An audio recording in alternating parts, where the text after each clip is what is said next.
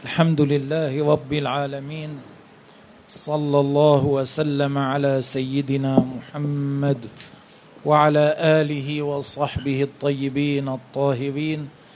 الله أسأل أن يوفقني ويوفقكم لما يحبه ويرضاه. إن شاء الله نكمل من حيث كنا وصلنا. تفضل الحمد لله وصلى الله وسلم على رسول الله. صلى الله عليه وسلم. بإسنادكم إلى الإمام الترمذي رحمه الله قال باب ما جاء في حياء رسول الله صلى الله عليه وسلم. هذا الباب معقود لبيان حياء النبي صلى الله عليه وسلم.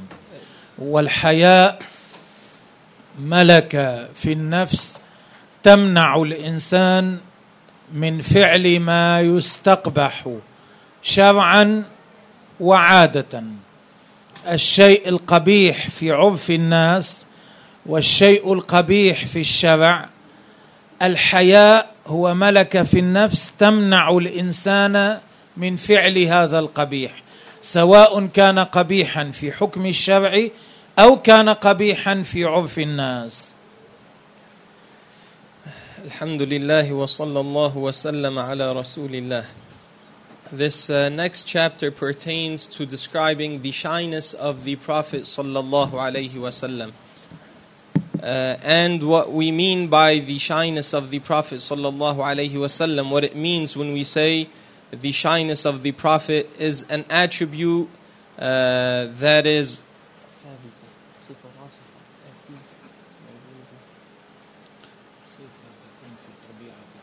uh, an attribute by nature that one is attributed with, uh, which prevents one from doing things that are uh, considered uh, not good by the religion and not good between.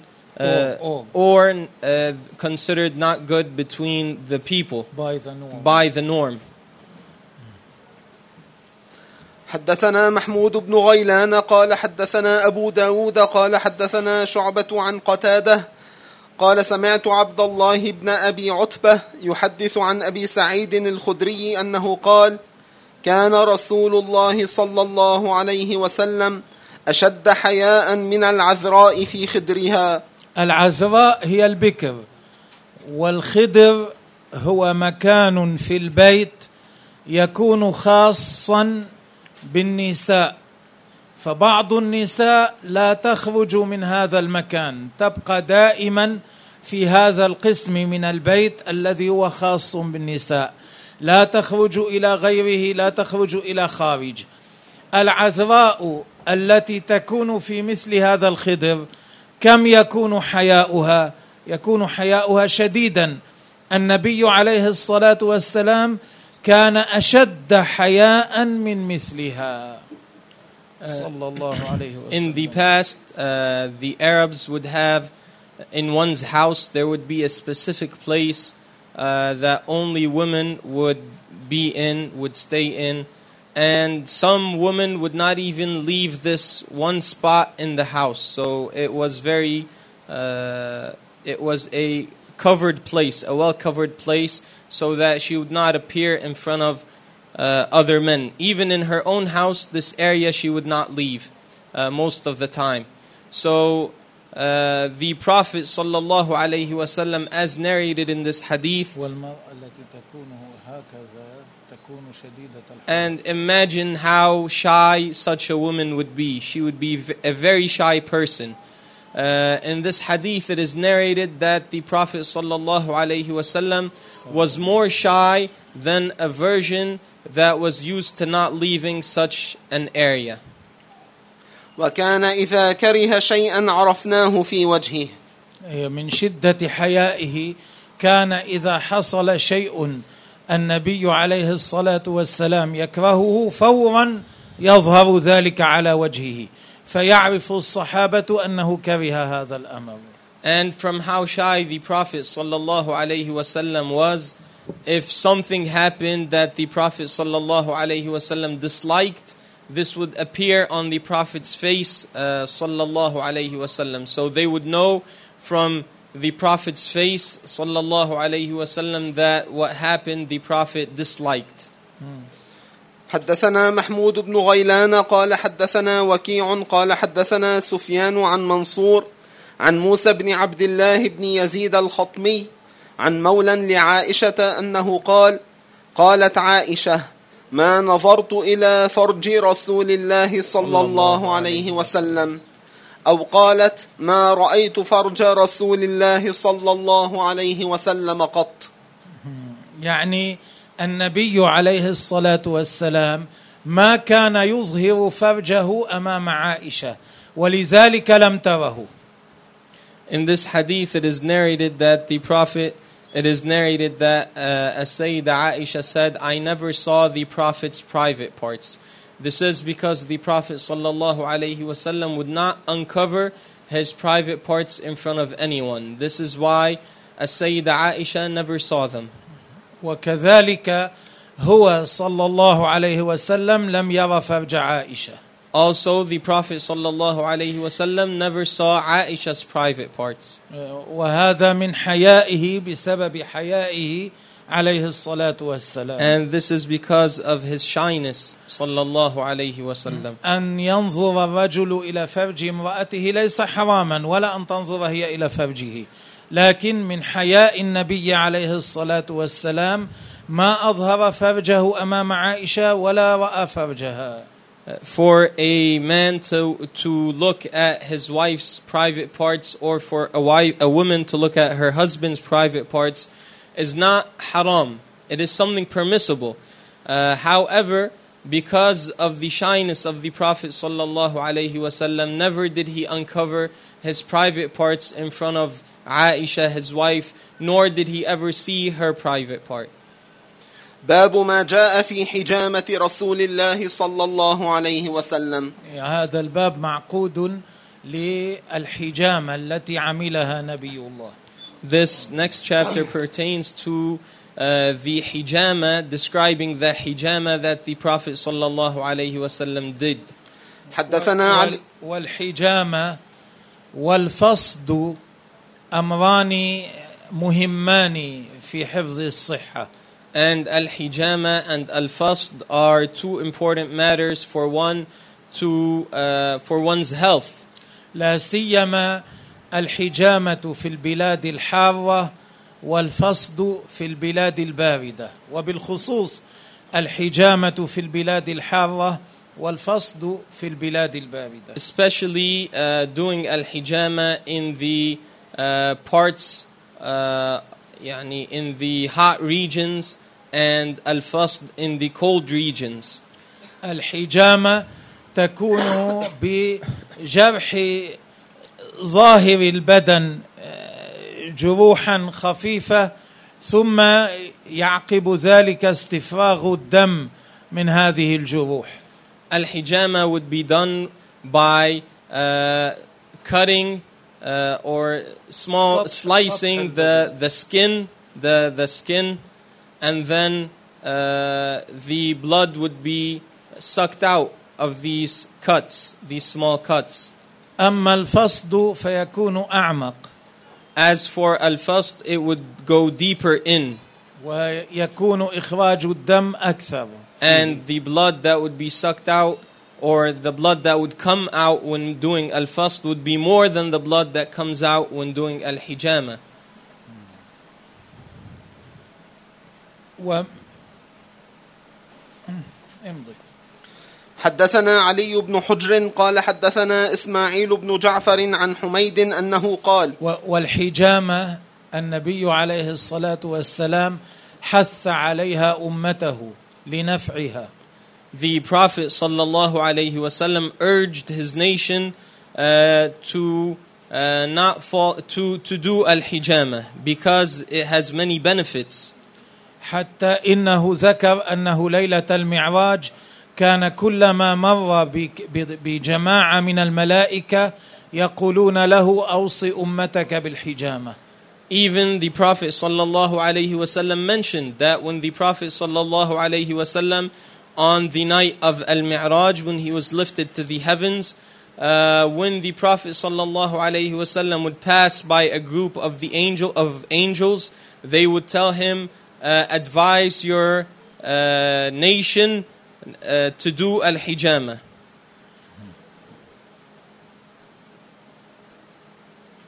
امضي. حدثنا علي بن حجر قال حدثنا إسماعيل بن جعفر عن حميد أنه قال سئل أنس بن مالك عن كسب الحجام. آه سئل أنس بن مالك ال- ما يكتسبه الحجام بالأجرة؟ ما ياخذه الحجام اجره على الحجامه حلال أو حرام يجوز ان ياخذ الاجره أو لا يجوز له ان ياخذها Uh, it was narrated in this hadith that one of the companions was asked, Is it permissible for one who does hijama for others to take money for doing so? يعني Yani that he would, uh, it would be a As- salary or a fee for him to do so. وذلك لان النبي عليه الصلاه والسلام ذم آه، هذه الاجره And they asked him so because the Prophet sallallahu alaihi wasallam dispraised this salary or this fee. فارادوا ان يعرفوا هذا حرام او يجوز لكنه مذموم So they wanted to know did the Prophet sallallahu alaihi wasallam dispraise this fee because it was haram or because it was disliked? اذا انسان حجم غيره لوجه الله هذا حسن If a person uh, does hijama for another Muslim for the sake of Allah, this is something good. واذا حجم غيره واذا اعطاه المحجوم هديه بعد ذلك يجوز And then if the person that hijama was done for gave the person that did hijama for him a gift, this is permissible. وليس مكروها And it is not makruh.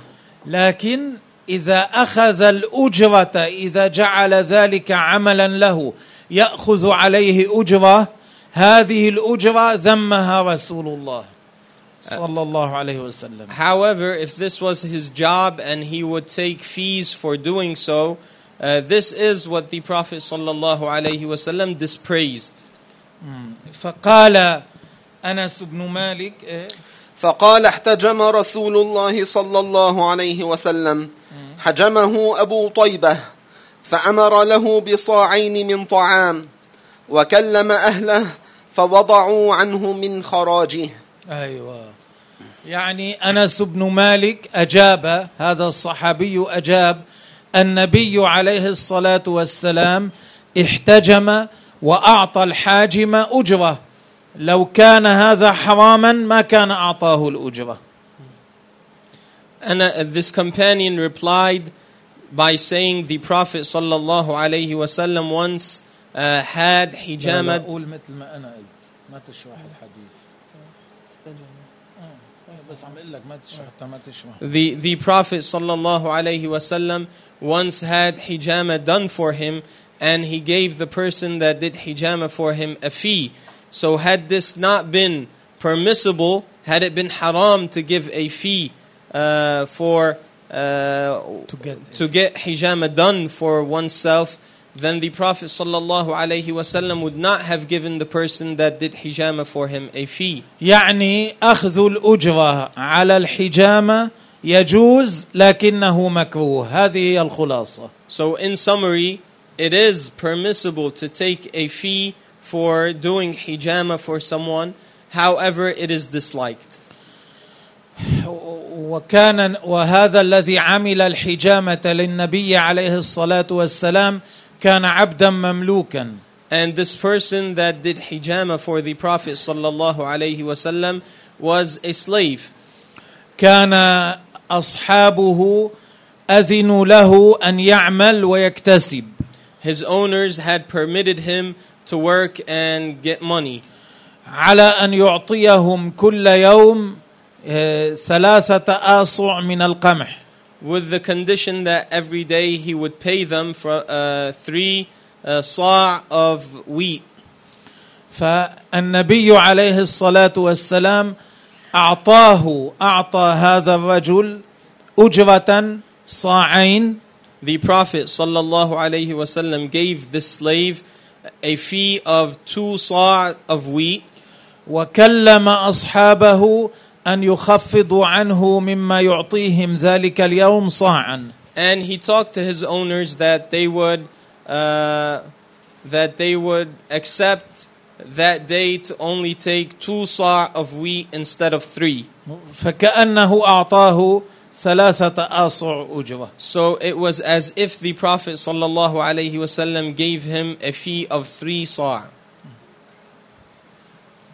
وقال إن أفضل ما تداويتم به الحجامة أو إن من أمثل دوائكم الحجامة. وهذا مدح كبير للحجامة من حيث المداوات من النبي عليه الصلاة والسلام Then the Prophet صلى الله عليه وسلم greatly praised الحجامة and mentioned that it was uh, a very important uh, treatment for one's health. ثلاثة أشياء ذكر في الحديث والقرآن أنها شديد أنها أدوية نافعة. Uh, there are three things that were mentioned in Al Quran and Al Hadith that they are very beneficial for one's health and as medicine. العسل uh, honey والكي بالنار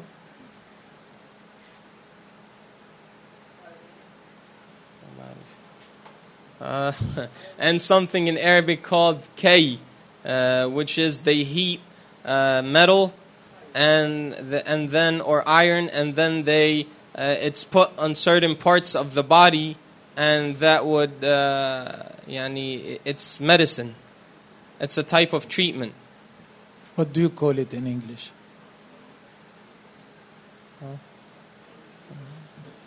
okay والثالث الحجامه and the third matter is al-hijama حدثنا عمرو بن علي قال حدثنا أبو داود. ومثل الحجامة الفصد. And like al-hijama is al-fasd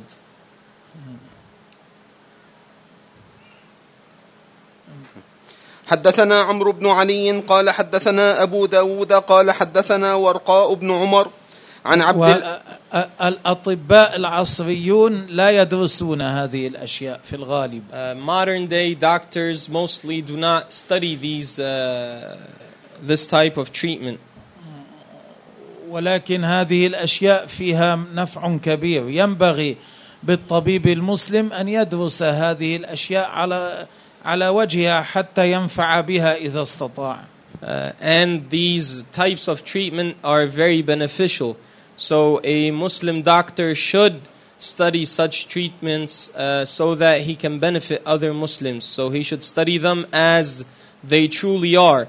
Uh, يعني so that he can benefit Muslims. هذا إيش يسمونه الذي يخرج في الجلد و لا يكون سهلا مداواته نوع من الفطر الفطريات شو بيسموها بالانجليزي الصدف الاكزيما شو في انواع شيخ اكزيما هذا شيخنا رحمه الله قال حصل عندي منه فعالجني طبيب بالفصد في قدمي Uh, our Shaykh Abdullah mentioned that in the past, uh, I guess some type of eczema had occurred with him or some type of psoriasis, and he said a doctor at the time treated me by al-fasad in my foot. فذهب مني. So Shaykh Abdullah was cured by this. قال ثم رجع إلي ظهر بعد ثلاث سنين. Uh, Sheikh Abdullah said after three years, uh, this type of eczema or psoriasis came back.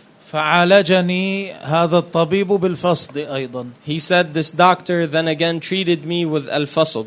فذهب مني ولم يرجع بعد ذلك And Sheikh Abdullah was cured and this never came back again.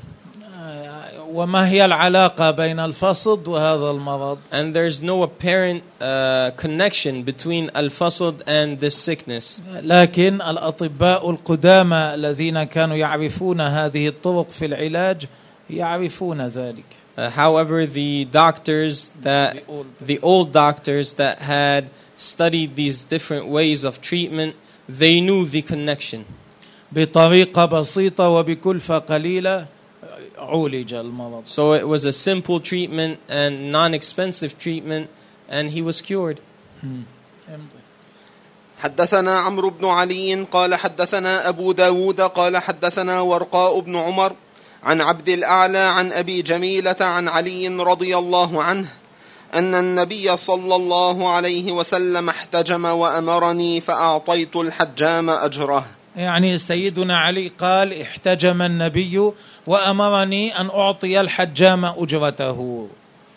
اذا أخذ الحجام للأجرة جائز. Sayyiduna Ali radiallahu anhu said, the Prophet sallallahu alayhi wasallam uh, had hijama done for him, and then he ordered me to give the person that did hijama for him a fee. So this means that taking a fee for uh, doing hijama is valid. حدثنا هارون بن إسحاق الهمداني قال حدثنا عبدة عن سفيان الثوري عن جابر عن الشعبي عن ابن عباس أنه قال إن النبي صلى الله عليه وسلم احتجم في الأخدعين وبين الكتفين وأعطى الحجام أجره ولو كان حراما لم يعطه نعم الأخدعان هما جانبا العنق والكاهل أعلى الظهر. فالنبي عليه الصلاة والسلام احتجم في الأخدعين وفي الكاهل وأعطى الحجام الاجره Uh, in this hadith, it is narrated that the Prophet sallallahu alaihi wasallam did al hijama, had hijama done for him on the two sides of his neck and on the back of his neck. And then the Prophet sallallahu alaihi wasallam gave the person that did hijama for him a fee for doing so. حدثنا هارون بن إسحاق قال حدثنا عبدة عن ابن أبي ليلى عن نافع عن ابن عمر أن النبي صلى الله عليه وسلم دعا حجاما فحجمه وسأله كم خراجك؟ فقال ثلاثة آصع فوضع عنه صاعا وأعطاه أجره. وضع عنه صاعا كما ذكرنا في الحديث الذي قبل يعني كلم أهله فوضعوا عنه خففوا عنه صاعا هذا مر معنا قبل.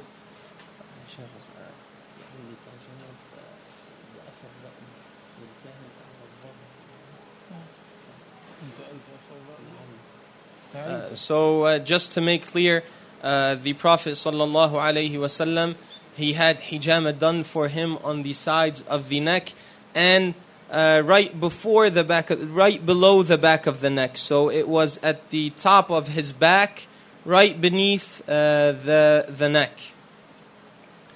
And in this next hadith, it is mentioned. Mm, the next hadith has been previously been mentioned.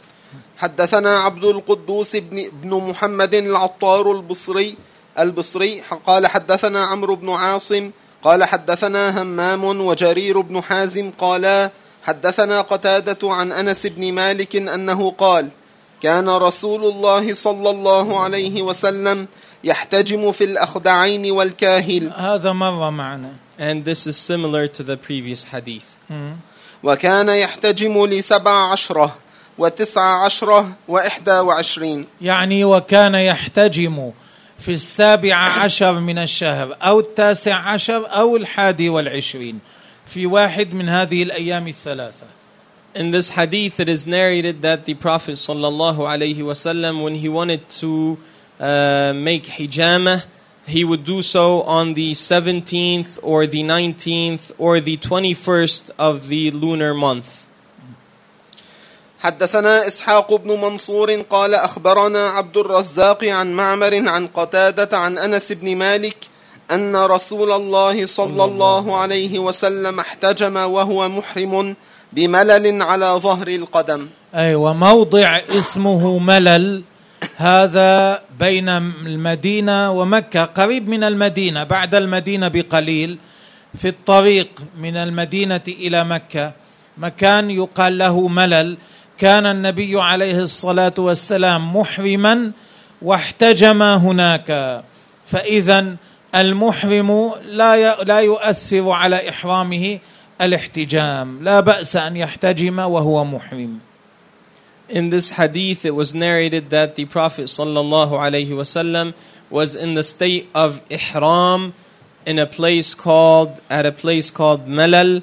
Uh, this place is between Mecca and Al Madinah. And when the Prophet sallallahu alaihi wasallam was at this place, the Prophet sallallahu alaihi wasallam had hijama done for him on the top of his foot. Uh, so this means it is okay for a person who is in the state of ihram to have hijama done for him. وبما ان قدم النبي عليه الصلاه والسلام لم يكن عليها شعر ظهر القدم فلا فكان الحج فكانت الحجامه لا تزيل الشعر And because the Prophet's foot sallallahu alaihi wasallam did not have hair on it, so having hijama done on his foot would not lead uh, for hair of uh, for hair to be cut. The hair of the body. The hair of the body to be cut. باب ما جاء في أسماء رسول الله صلى الله عليه وسلم هذا الباب معقود لبيان أسماء النبي عليه الصلاة This next chapter mentions some of the names of the Prophet صلى الله عليه وسلم. حدثنا سعيد بن عبد الرحمن المخزومي وغير واحد قالوا حدثنا سفيان عن الزهري عن محمد بن جبير بن مطعم عن أبيه أنه قال قال رسول الله صلى الله عليه وسلم الله عليه وسلم. إن لي أسماء أنا محمد وأنا أحمد. يعني النبي عليه الصلاة والسلام قال أنا لي أكثر من اسم. أنا محمد وأنا أحمد من أسماء محمد ومن أسماء أحمد. In this hadith, it is mentioned that the Prophet sallallahu alaihi wasallam said, "I have more than one name. Among my names uh, is Muhammad, also Ahmad, وأنا الماحي الذي يمحو الله بالكفرة وكذلك من أسمائه الماحي ومعنى الماحي الذي يمحو يزيل الله به الكفر Also, among my names, the Prophet said, is Al Mahi, which means uh, the one whom Allah Ta'ala will erase blasphemy uh, with. وأنا الحاشر الذي يحشر الناس على قدمي. كذلك من أسمائه عليه الصلاة والسلام الحاشر. الحاشر معناه الذي يحشر الناس يجمع الناس بعده. على أثري أو على قدمي معناه بعدي. هذا يحتمل معنيين. إما أن يكون معناه بعد أن صرت نبيا. تأتي القيامة لأنه لا نبي بعد ذلك بيني وبين القيامة ويكون فيها الحشر وإما أن يكون المعنى أنني أول من يحشر ثم الناس يكونون بعدي. إما هذا ويوم القيامة يعني إما هذا وإما هذا. Also, the Prophet sallallahu alaihi wasallam said, "Among my names is Al Hashir, which means the one whom people will be gathered for Al Hashr after, uh, so on the day of judgment." So this, uh, there are two possible meanings for this. It is possible that this means the Prophet wasallam is the last prophet. Therefore, after him uh, will be afterwards will be the day of judgment, and then uh, there would be al hashr, and there would be no prophet between him sallallahu alaihi wasallam and judgment day. Also, it is possible that this means, الحشر means the gathering يعني on the, on the day of judgment also it is possible that this means that the Prophet sallallahu alaihi wasallam would be the first person uh, on the day of judgment. Uh, to be resurrected and so it he would be directed towards the place of the gathering and the other people would follow him so also it can mean this that the people will will go towards the place of gathering after the prophet عليه الصلاة والسلام on the day of judgment وأنا العاقب والعاقب الذي ليس بعده نبي ومن اسمائه عليه الصلاه والسلام العاقب اي اخر الانبياء And among the names of the Prophet sallallahu alaihi wasallam is Al-Aqib, which means the last prophet. حدثنا محمد بن طريف الكوفي قال حدثنا أبو بكر, أبو بكر بن عياش عن عاصم عن أبي وائل عن حذيفة أنه قال لقيت النبي صلى الله عليه وسلم في بعض طرق المدينة فقال أنا محمد وأنا أحمد. يعني النبي عليه الصلاة والسلام ذكر في هذا الحديث أن من أسمائه محمدا وأحمد. It is narrated in this hadith that the Prophet sallallahu alaihi wasallam mentioned among his names Muhammad and Ahmad. وأنا نبي الرحمة نبي الرحمة سمي كذلك لكثرة ما حصل من الرحمة بسببه عليه الصلاة والسلام. Also, the Prophet sallallahu alaihi wasallam said, "Among my names is Nabi al-Rahmah, which means the Prophet of mercy." He was named so because a lot of mercy occurred because of him, sallallahu alaihi wasallam. He was the cause of a lot of mercy.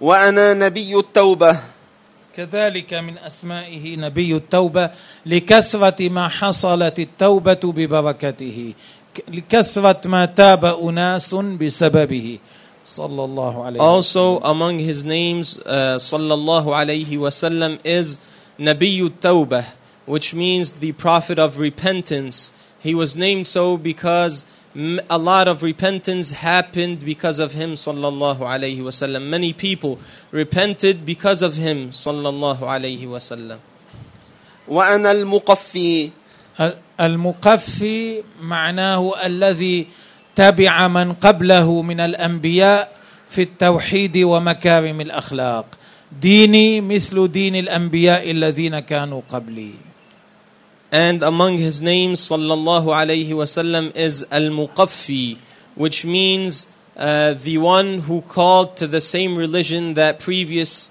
uh, prophets and messengers called to, and came with the same manners and uh, merits.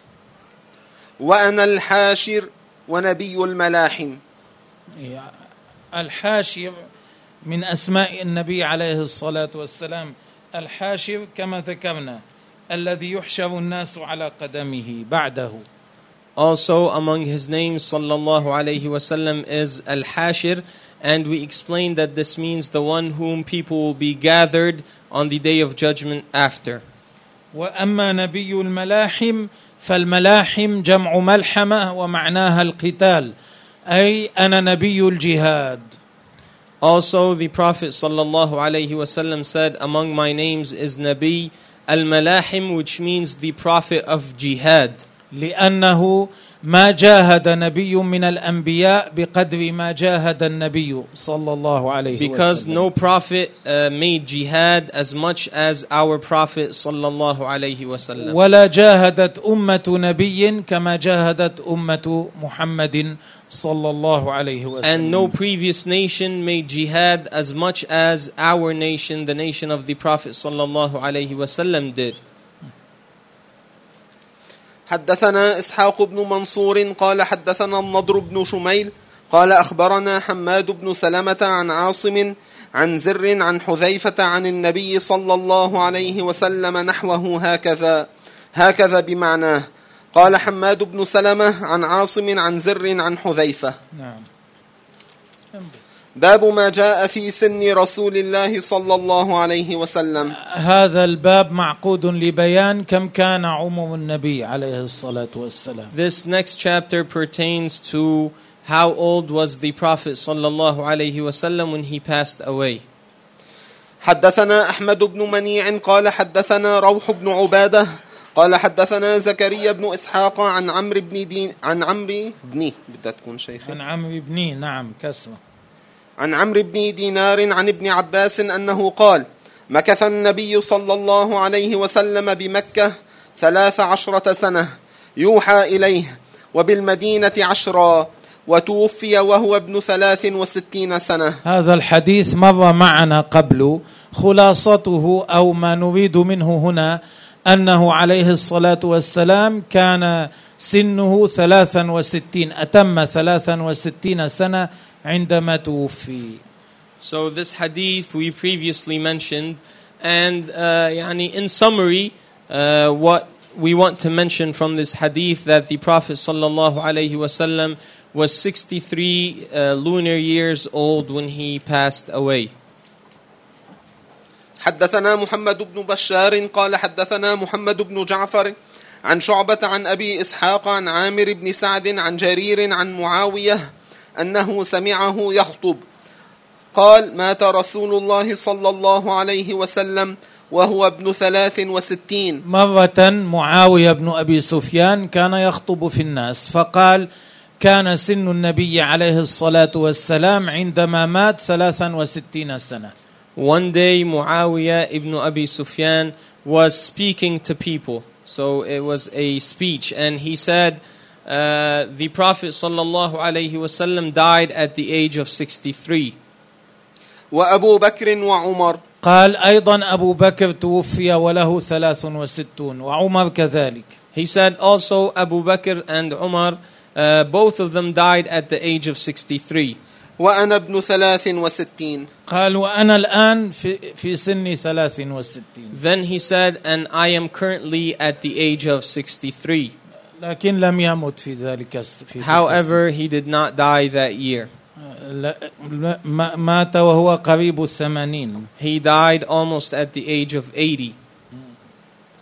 حدثنا حسين بن مهدي البصري قال حدثنا عبد الرزاق عن ابن جريج عن الزهري عن عروة عن عائشة أن النبي صلى الله عليه وسلم مات وهو ابن ثلاث وستين. هذا بمعنى ما قبله. This has similar meaning to the previous hadith. حدثنا أحمد بن منيع ويعقوب بن إبراهيم الدورقي قالا حدثنا اسم إسماعيل بن علية عن خالد الحذاء قال حدثني عمار مولى بني هاشم أنه قال سمعت ابن عباس يقول توفي رسول الله صلى الله عليه صلى وسلم الله عليه وهو ابن خمس وستين. قلنا خمس و- هذا مر معنا قبله. وقلنا خمس وستون باعتبار سنة الولادة سنة كاملة وسنة الوفاة سنة كاملة. فبهذا الاعتبار يصير المجموع خمسا وستين. In this hadith, it was mentioned that the Prophet sallallahu alaihi wasallam died at the age of 65, and we previously explained that the narrator said so because the narrator counted the year the Prophet sallallahu alaihi wasallam was born in as a whole year, and the year he died as a full year, so they came out to be 65, when in true it is 63. حدثنا محمد بن بشار ومحمد بن أبان قالا حدثنا معاذ بن هشام قال حدثني أبي عن قتادة عن الحسن عن دغفل بن حنظلة أن النبي صلى الله عليه وسلم قبض وهو ابن خمس وستين سنة. قال أبو عيسى ودغفل لا نعرف له سماعا. ودغفلون. بالتنوين ودغفلون. ودغ قال أبو عيسى ودغفل لا نعرف له سماعا من النبي صلى الله عليه وسلم وكان في زمن النبي صلى الله عليه وسلم رجلا هذا مثل الذي قبله This is similar to the aforementioned hadith. حدثنا إسحاق بن موسى الأنصاري قال حدثنا معن قال حدثنا مالك بن أنس عن ربيعة عن ربيعة بن أبي عبد الرحمن عن أنس بن مالك رضي الله عنه أنه سمعه يقول كان رسول الله صلى الله عليه وسلم ليس بالطويل البائن ولا بالقصير ولا بالأبيض الأمهق ولا بالآدم ولا بالجعد القطط ولا بالسبط بعثه الله تعالى على رأس أربعين سنة فأقام بمكة عشر سنين. وبالمدينة عشر سنين وتوفاه الله على رأس ستين سنة وليس في رأسه ولحيته عشرون شعرة بيضاء. هذا الحديث مر معنا قبله أيضا. And this hadith we also mentioned in the beginning of the book. وفيه مذكور أن النبي عليه الصلاة والسلام مكث في مكة ثلاث عشرة عشر سنوات. And it is mentioned in this hadith, among what is mentioned, that the Prophet sallallahu alaihi wasallam uh, lived after he was revealed to in Mecca for 10 years. وقل بينما على التحديد هو بقي في مكة ثلاث عشرة سنة when in fact the Prophet sallallahu alaihi wasallam uh, stayed in Mecca 13 years to be exact. لكن قلنا العرب يسقطون الكسر أحيانا في كلامهم Uh, but we previously mentioned also that uh, the way uh, the Arabs would do sometimes is that they will round the number down from 13 to 10.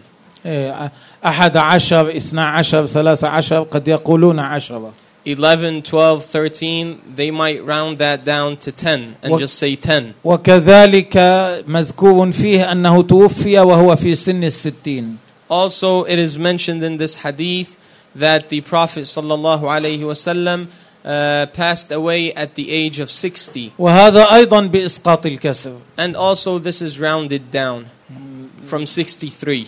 أيوة.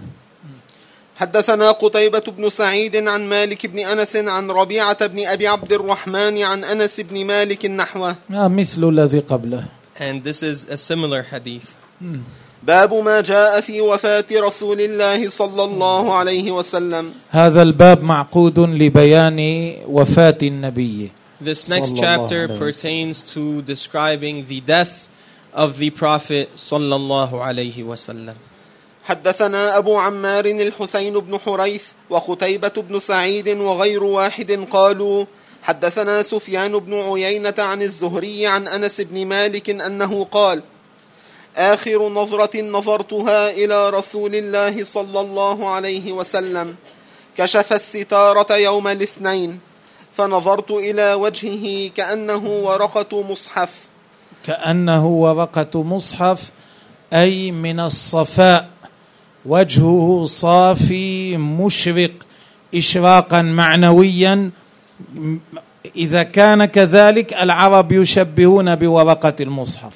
إذا أرادوا أن يذكروا الوجه الصافي المشرق يوجه يشبهونه بورقة المصحف. امضي.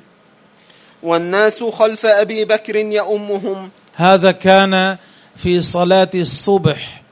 يوم الاثنين في صلاة الصبح النبي عليه الصلاة والسلام أزاح الستارة ونظر إلى المسلمين يصلون خلف أبي بكر ثم ردها لما أزاح الستارة أنس رأى النبي عليه الصلاة والسلام رأى وجهه. فكان هذه آخر نظرة نظرها أنس إلى وجه النبي صلى الله عليه وسلم قبل أن يتوفى. In this hadith, it was narrated that Anas said, I remember the last time I saw the Prophet sallallahu alaihi wasallam. It was Monday morning. We were praying uh, Salat as-Subuh. Uh, the Prophet sallallahu alaihi wasallam wanted to see his companions, so there was a type of curtain or something that was Cur- curtain on the on the door there was a curtain on the door and uh, the prophet sallallahu alaihi wasallam uh, moved this curtain and looked to his companions praying behind Abu Bakr he said I then saw the prophet sallallahu alaihi wasallam his face was glowing and as clear as a page of the mushaf and this is how Arabs they liken uh, if one's face is very clear and it has a glow to it, they liken it to a page of Al Mushaf. And he said, "This is this was the last time I saw the Prophet sallallahu alaihi wasallam."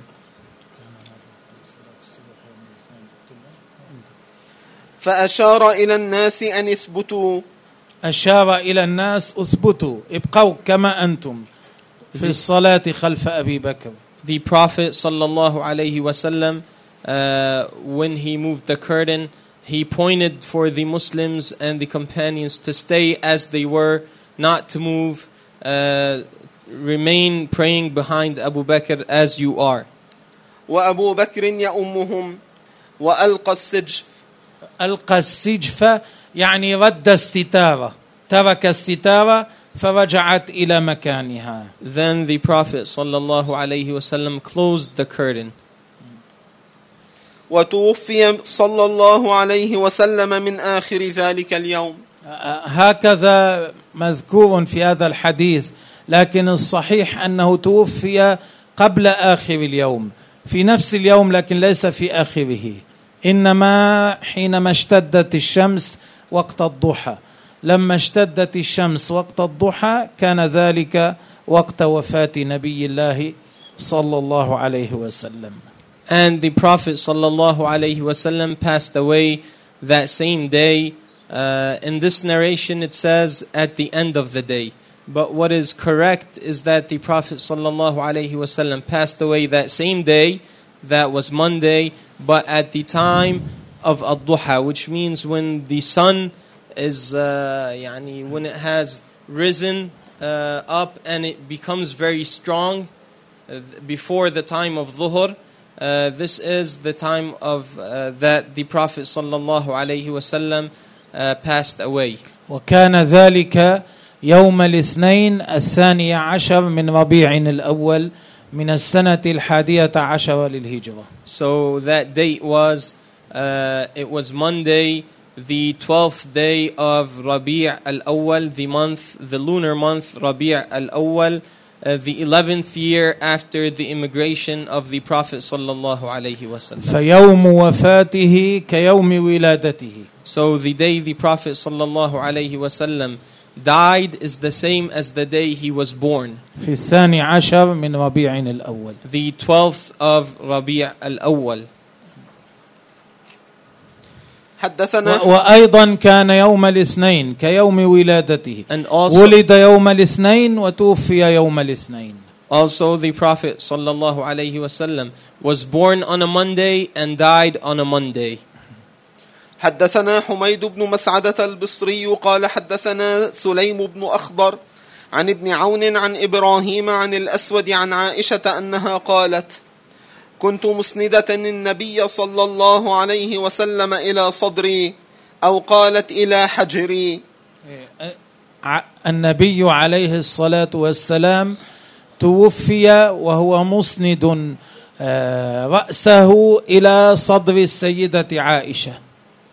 The Prophet sallallahu alaihi wasallam uh, passed away and his head was leaning, resting on a Sayyida Aisha's ne- uh, chest.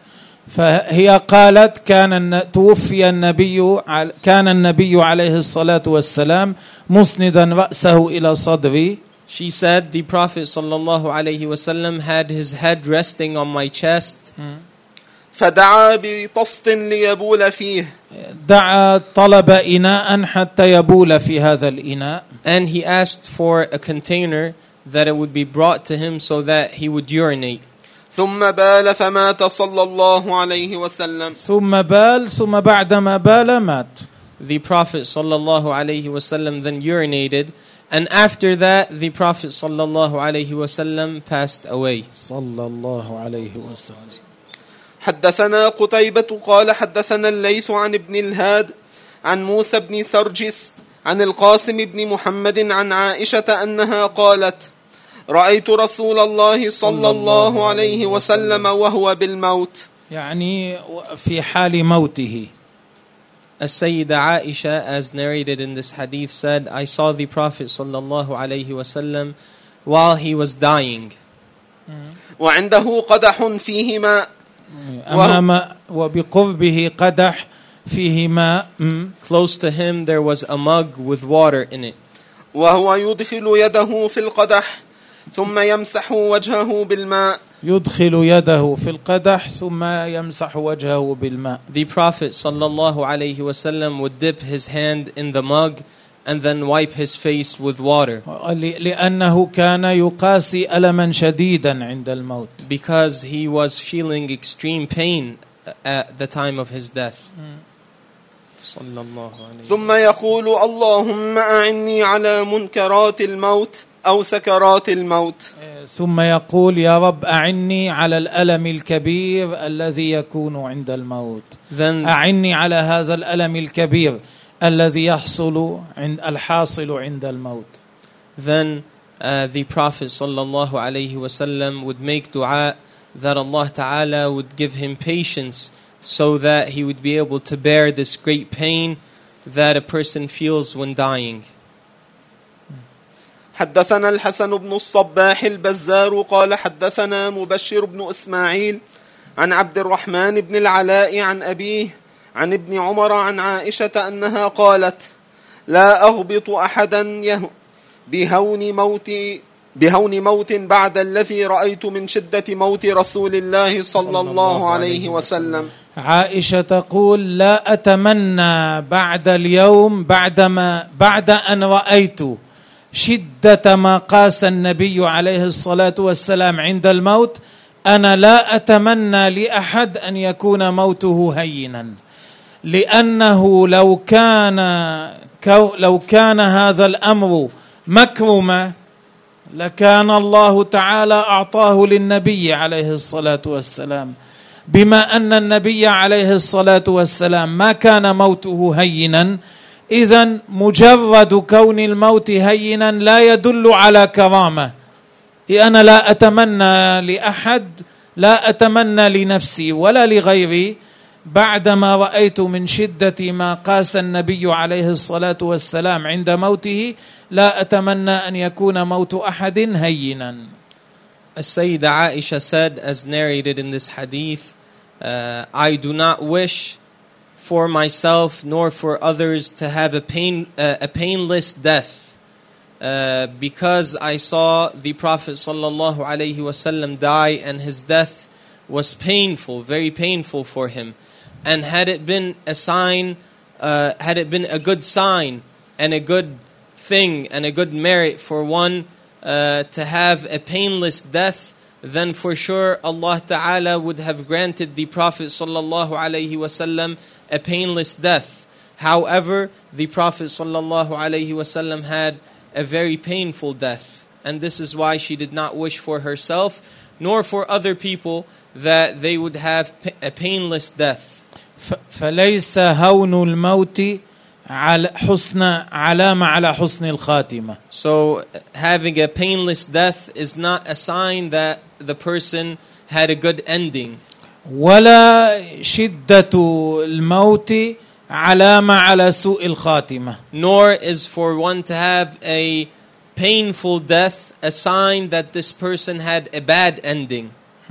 لأن النبي عليه الصلاة والسلام مر بسكرات الموت because the Prophet sallallahu alaihi wasallam endured severe pain of death. بل إن هذا الألم الذي يقاسيه المؤمن عند الموت إذا صبر عليه يكون كفارة لذنوبه أو رفعا لدرجاته بحسب حاله. Rather, it was mentioned that this this pain that a Muslim endures uh, while dying uh, this, this pain, enduring this pain, would be a reason for one's sins to be forgiven or for one's rank to be uh, higher, depending. This would depend, uh, would vary from person to person. If a person had sins, then his sins would be forgiven. If not, then his, his rank would higher. وقد شبه بعض العلماء ألم الموت بغصن شوك تدخله في كيس قطن شبه نزع الروح بغصن شوق تدخله في كيس قطن ثم تحاول أن تخرجه منه. قال هذا مثل هذا نزع الروح بهذه الصعوبة نزع الروح تشبه هذا. One of the scholars likened uh, what, the pain that one endures when one's soul leaves his body uh, to a branch that is full of thorns. So if you put this branch in a bag filled with cotton, and then you wanted to take this branch out, so the uh, the pain that a person endures, the, har- the, the hardship the that hardship, one faces is similar to that. إلا الشهيد شهيد المعركة except for the martyr, that uh, the martyr on the battlefield. فإن الحديد التي يموت بها يحس كالقرصة. The metal that kills him, uh, he he would feel as if it was a light pinch. وإلا الذي يموت فجأة. Also, uh, the person that dies suddenly. لا يحس بهذا الألم. This person does not feel such pain. لكن كما قلنا هون الموت ليس علامة على حسن الخاتمة. But as we mentioned, uh, having a painless death is not a sign that the person had a good ending, ولا علامة على سوءها. Nor is it a sign that a person had a bad ending. قال أبو عيسى رضي الله عنه سألت أبا زرعة فقلت له من عبد الرحمن بن العلاء؟ هذا قال هو عبد الرحمن بن العلاء بن اللجلا بن اللجلاج. بني بني اللجلاج. امضي. نعم.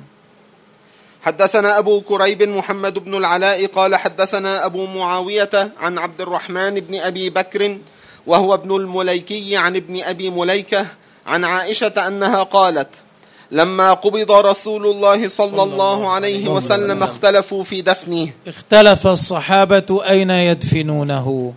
When the Prophet sallallahu alaihi wasallam passed away, as narrated in this hadith, the companions had different opinions on where the Prophet sallallahu alaihi wasallam should be buried.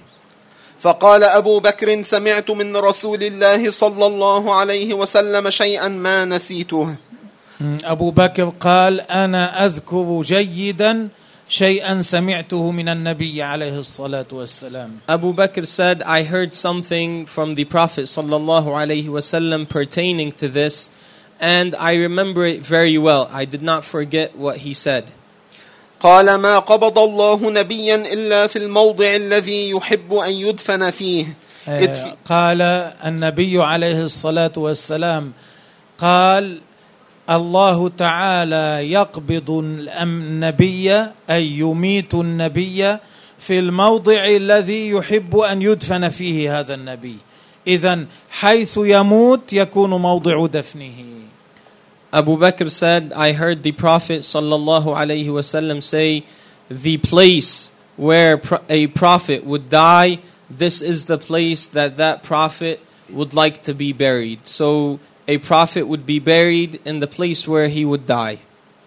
ادفنوه في موضع فراشه ادفنوه م- مكان فراشه أزيحوا الفراش واحفروه هناك وادفنوه في هذا الموضع في بيته Then Abu Bakr said, uh, remove the mattress that the Prophet sallallahu alaihi wasallam was on when he died and bury him in that location. وهكذا كان هذا الذي حصل And this is what happened. حدثنا محمد بن بشار وعباس العنبري وسوار بن عبد الله وغير واحد قالوا حدثنا يحيى بن سعيد عن سفيان الثوري عن موسى بن أبي عائشة عن عبيد الله بن عبد الله عن ابن عباس وعائشة رضي الله عنهم أن أبا بكر رضي الله عنه قبل رسول الله صلى الله عليه وسلم بعدما مات. بعدما مات النبي عليه الصلاة والسلام قبل دفنه أبو بكر قبله Uh, in this hadith, it is narrated uh, that Abu Bakr radiallahu anhu, after the Prophet sallallahu alaihi wasallam passed away, and before he was buried, uh, Abu Bakr kissed the Prophet sallallahu alaihi wasallam. حدثنا نصر بن علي الجهضمي قال حدثنا مرحوم بن عبد العزيز العطار عن أبي عن أبي عمران الجوني عن يزيد بن بابنوس عن عائشة أن أبا بكر دخل على النبي صلى الله عليه وسلم بعد وفاته فوضع فمه بين عينيه ووضع يديه على ساعديه وقال ونبياه وصفياه وخليلاه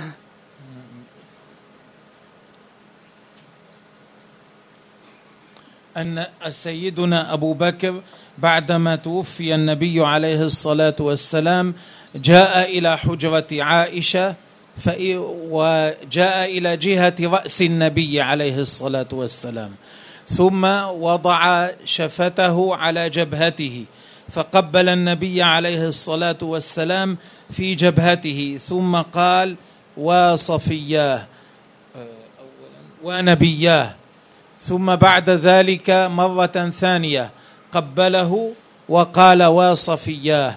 ثم بعد ذلك مرة ثالثة قبله وقال وخليلاه وقال هذا وهو ثابت ليس على هيئة الجزع والصراخ ونحو ذلك لا وهو ثابت قال ذلك.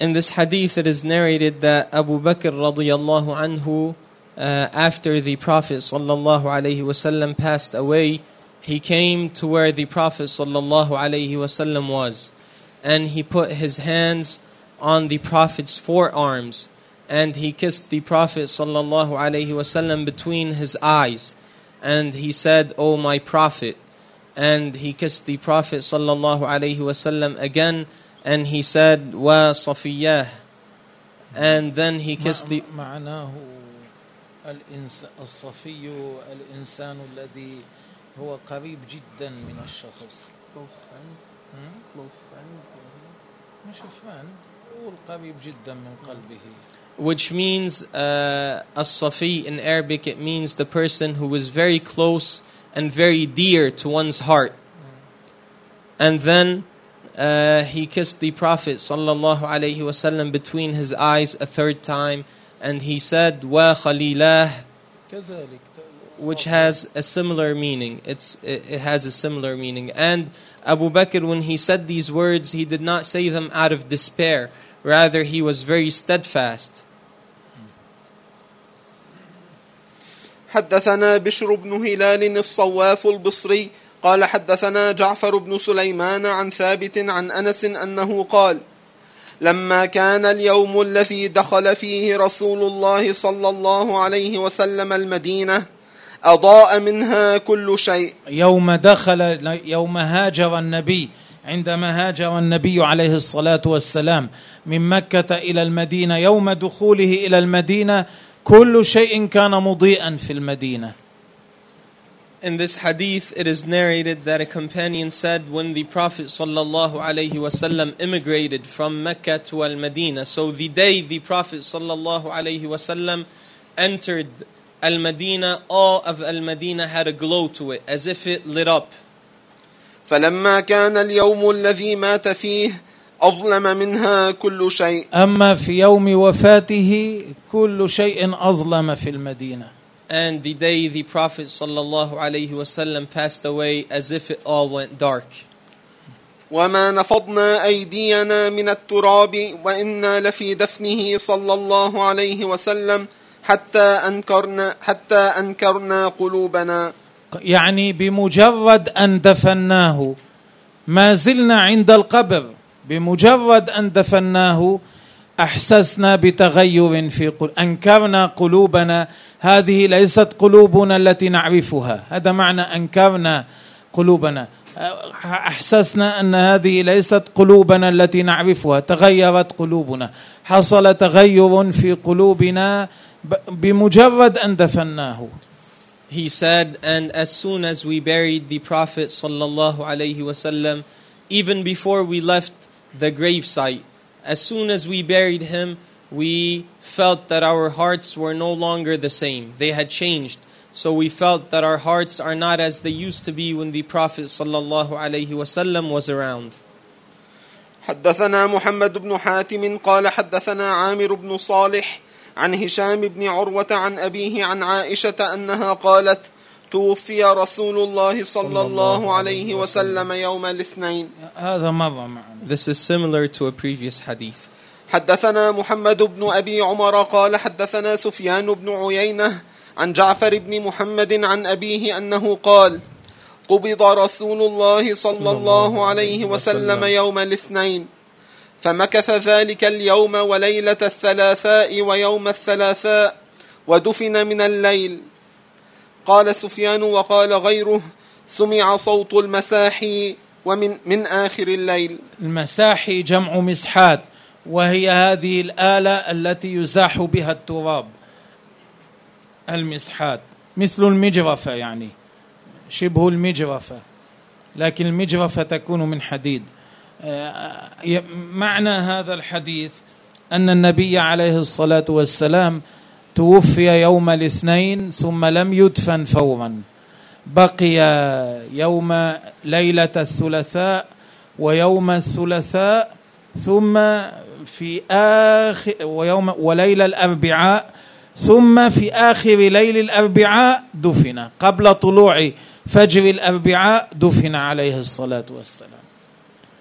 In this hadith, it is mentioned that the Prophet wasallam passed away on Monday, as we mentioned, and the Prophet wasallam was not buried right away. So uh, Monday went by, and then Tuesday Eve went by, and then Tuesday went by, and then Wednesday Eve at the end of Wednesday Eve, right before dawn or before dawn, the Prophet wasallam was buried, and they said it was mentioned in this hadith uh, that the sound of the uh, shovel-like tool that they used to bury the Prophet sallallahu alaihi wasallam to to dig the grave could be heard at night, so they could hear the grave being dug at night. حدثنا قتيبة بن سعيد قال حدثنا عبد العزيز بن محمد عن شريك بن عبد الله بن أبي نمر عن أبي سلمة بن عبد الرحمن بن عوف أنه قال توفي رسول الله صلى, صلى الله, عليه وسلم يوم الاثنين ودفن يوم الثلاثاء. قال أبو عيسى هذا حديث غريب. دفن يوم الثلاثاء يعني ابتدأوا بتجهيزه للدفن في آخر يوم الثلاثاء. أما الدفن فحصل في الليل ليلة الأربعاء في آخر ليلة الأربعاء. يعني خلاصة المعنى يرجع إلى الذي قبله In this hadith, it is narrated that the Prophet sallallahu alaihi wasallam passed away on Monday, and preparations for his burial took place. They began on Tuesday, and as we mentioned, the Prophet sallallahu alaihi wasallam was buried Wednesday Eve before dawn. So it's very close to the previous hadith. حدثنا نصر بن علي الجهضمي قال حدثنا عبد الله بن داود قال حدثنا سلمة بن نبيط عن نعيم بن أبي هند عن نبيط بن شريط عن سالم بن عبيد له عن سالم بن عبيد له صحبة. قال أغمي على رسول الله صلى الله عليه وسلم في مرضه.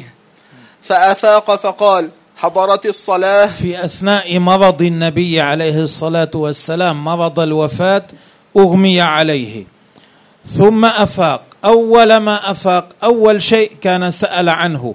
حضرت الصلاة دخل وقت الصلاة؟ حان وقت الصلاة؟ In this hadith, it is narrated that the Prophet sallallahu alaihi wasallam, uh, the sickness that يعني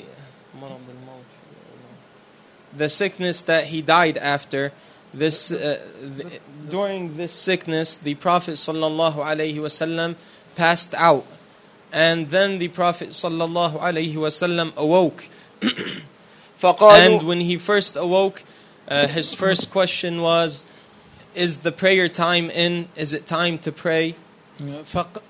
فقالوا نعم فقال مروا بلالا فليؤذن ومروا أبا بكر فليصلي للناس أو قال بالناس قال إذن ليؤذن بلال وليؤم الناس في صلاتهم أبو بكر Uh, the prophet sallallahu alaihi wasallam told them uh, they told him yes the prayer time is in the prophet sallallahu alaihi wasallam said uh, tell bilal to call the adhan and tell abu bakr to stand as imam قال ثم أغمي عليه فأفاق فقال حضرت الصلاة. ثم أغمي عليه ثم أفاق فأعاد عليهم. يعني فعلتم ما قلت سألهم حضرت الصلاة؟ uh, the pro- قالوا نعم.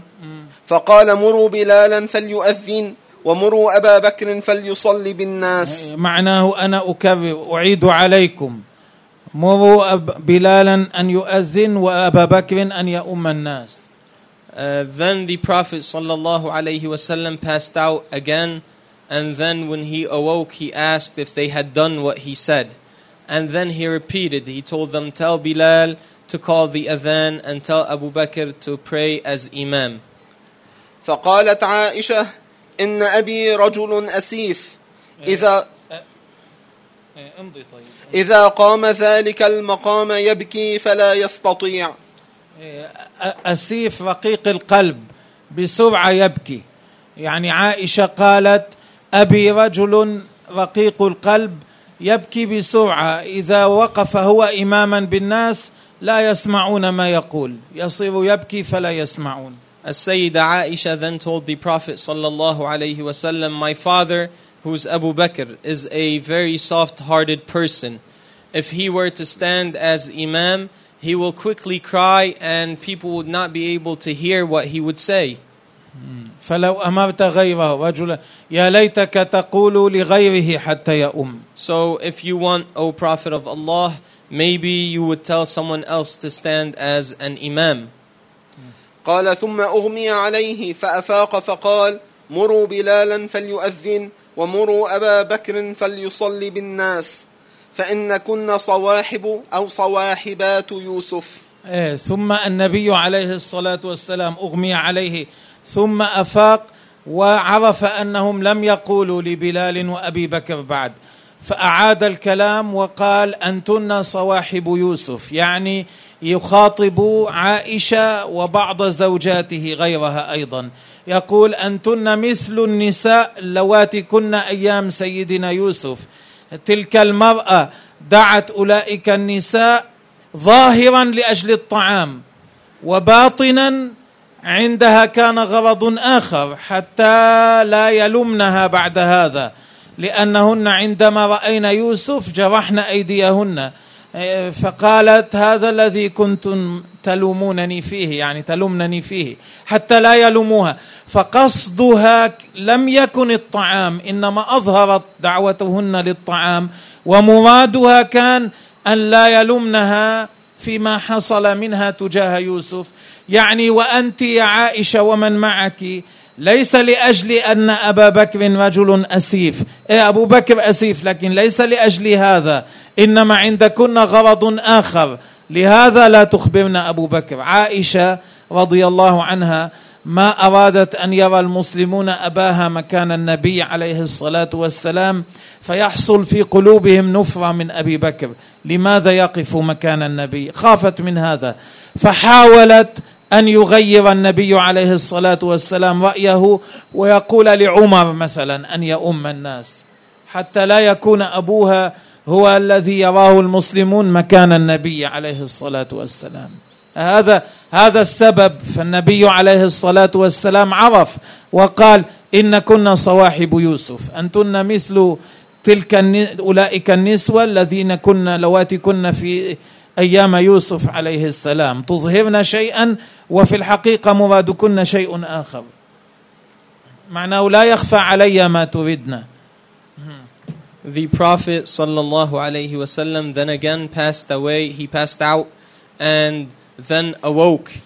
And when the Prophet sallallahu alaihi wasallam awoke, he knew that uh, they did not do what he had asked them to do. So he told them, uh, "Tell Bilal to call the adhan and tell Abu Bakr, Abu Bakr uh, to pray as imam." And then the Prophet sallallahu alaihi wasallam told uh, Aisha and another one of his wives, uh, you are similar to the woman that was at the time of Prophet Yusuf in his story. So the woman that was at the time of Prophet Yusuf, uh, when she invited the women over to her house to eat, this is what she made apparent that she invited them over uh, to dine and to eat with her. Uh, when in fact she did not want that, she had a, a second reason that she invited them for. Uh, the true reason she invited them was so that they would see how beautiful and how handsome uh, Prophet Yusuf was, so that they would stop blaming her for what she had done. Uh, and likewise, the Prophet wasallam was telling as Sayyida Aisha and another one of his wives, you are saying you do not want Abu Bakr to pray as an imam because he is soft-hearted and he will cry and people would not be able to hear what he is saying. But in fact, this is not the true purpose and the true reason behind you trying to change my mind. There is another reason for that. And in, there was another reason for that. As Sayyida Aisha, uh, she feared that the Muslims would see Abu Bakr in place of the Prophet sallallahu wasallam, and that uh, they would uh, يعني they would not like that Abu Bakr is in the place of the Prophet sallallahu alaihi wasallam.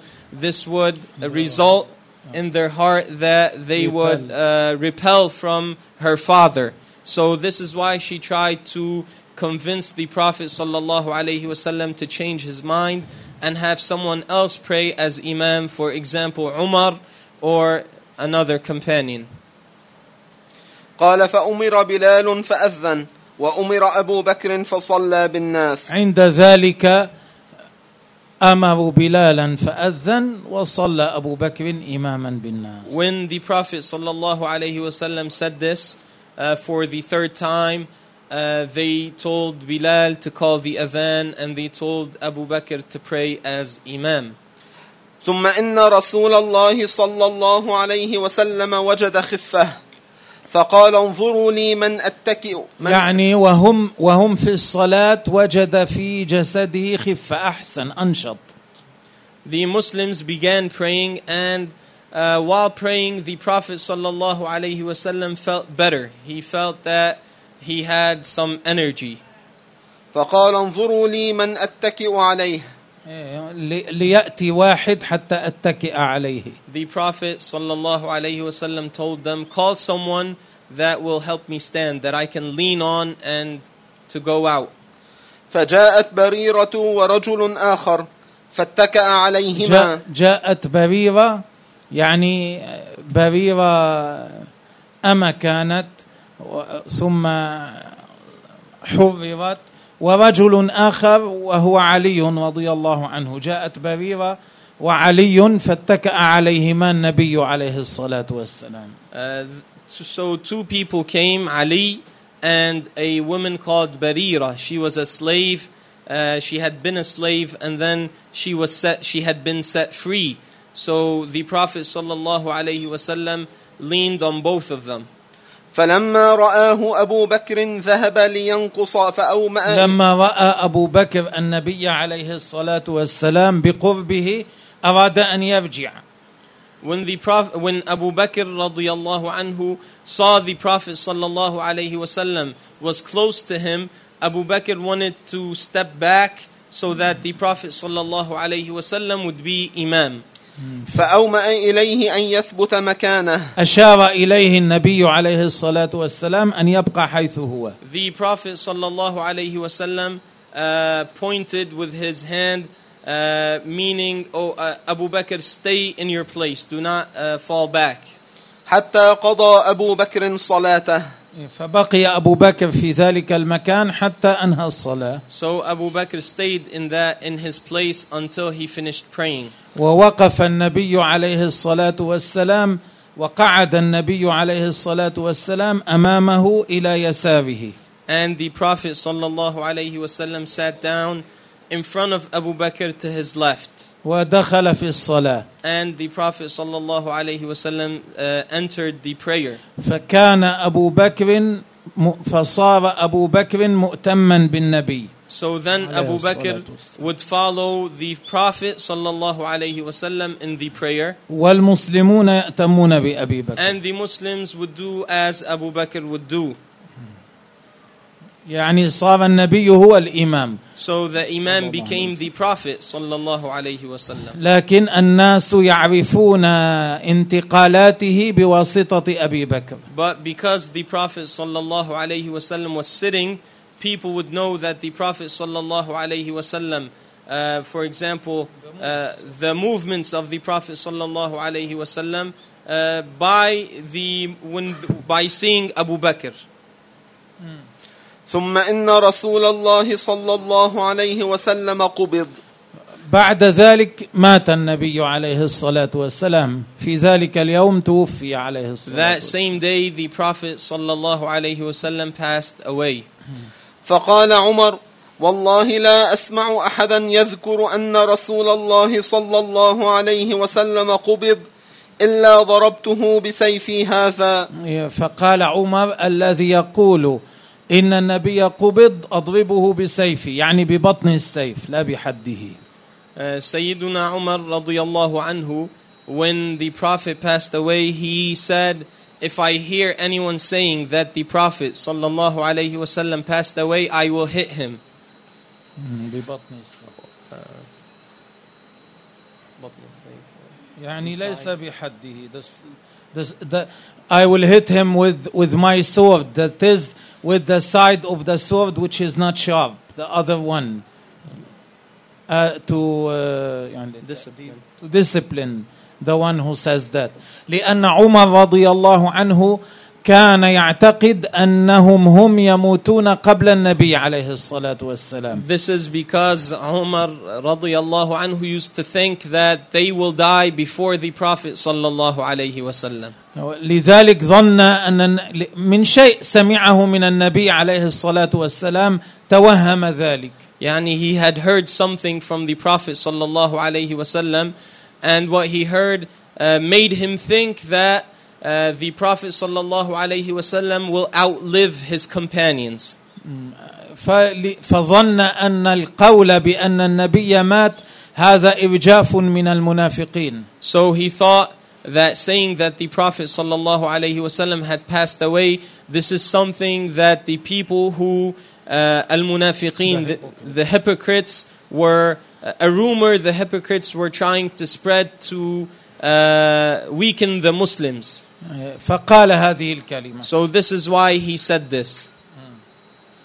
قال وكان الناس أميين لم يكن فيهم نبي قبله وكان الناس أميين لا لا يقرؤون الكتب الماضية أغلب العرب كانوا أميين ما قرأوا الكتب الماضية And at the time, most of the Arabs could not read or write, so they had not read the books of the uh, previous prophets. ولم يكن فيهم قبل ذلك نبي nor uh, was a prophet bef- before that sent to those people.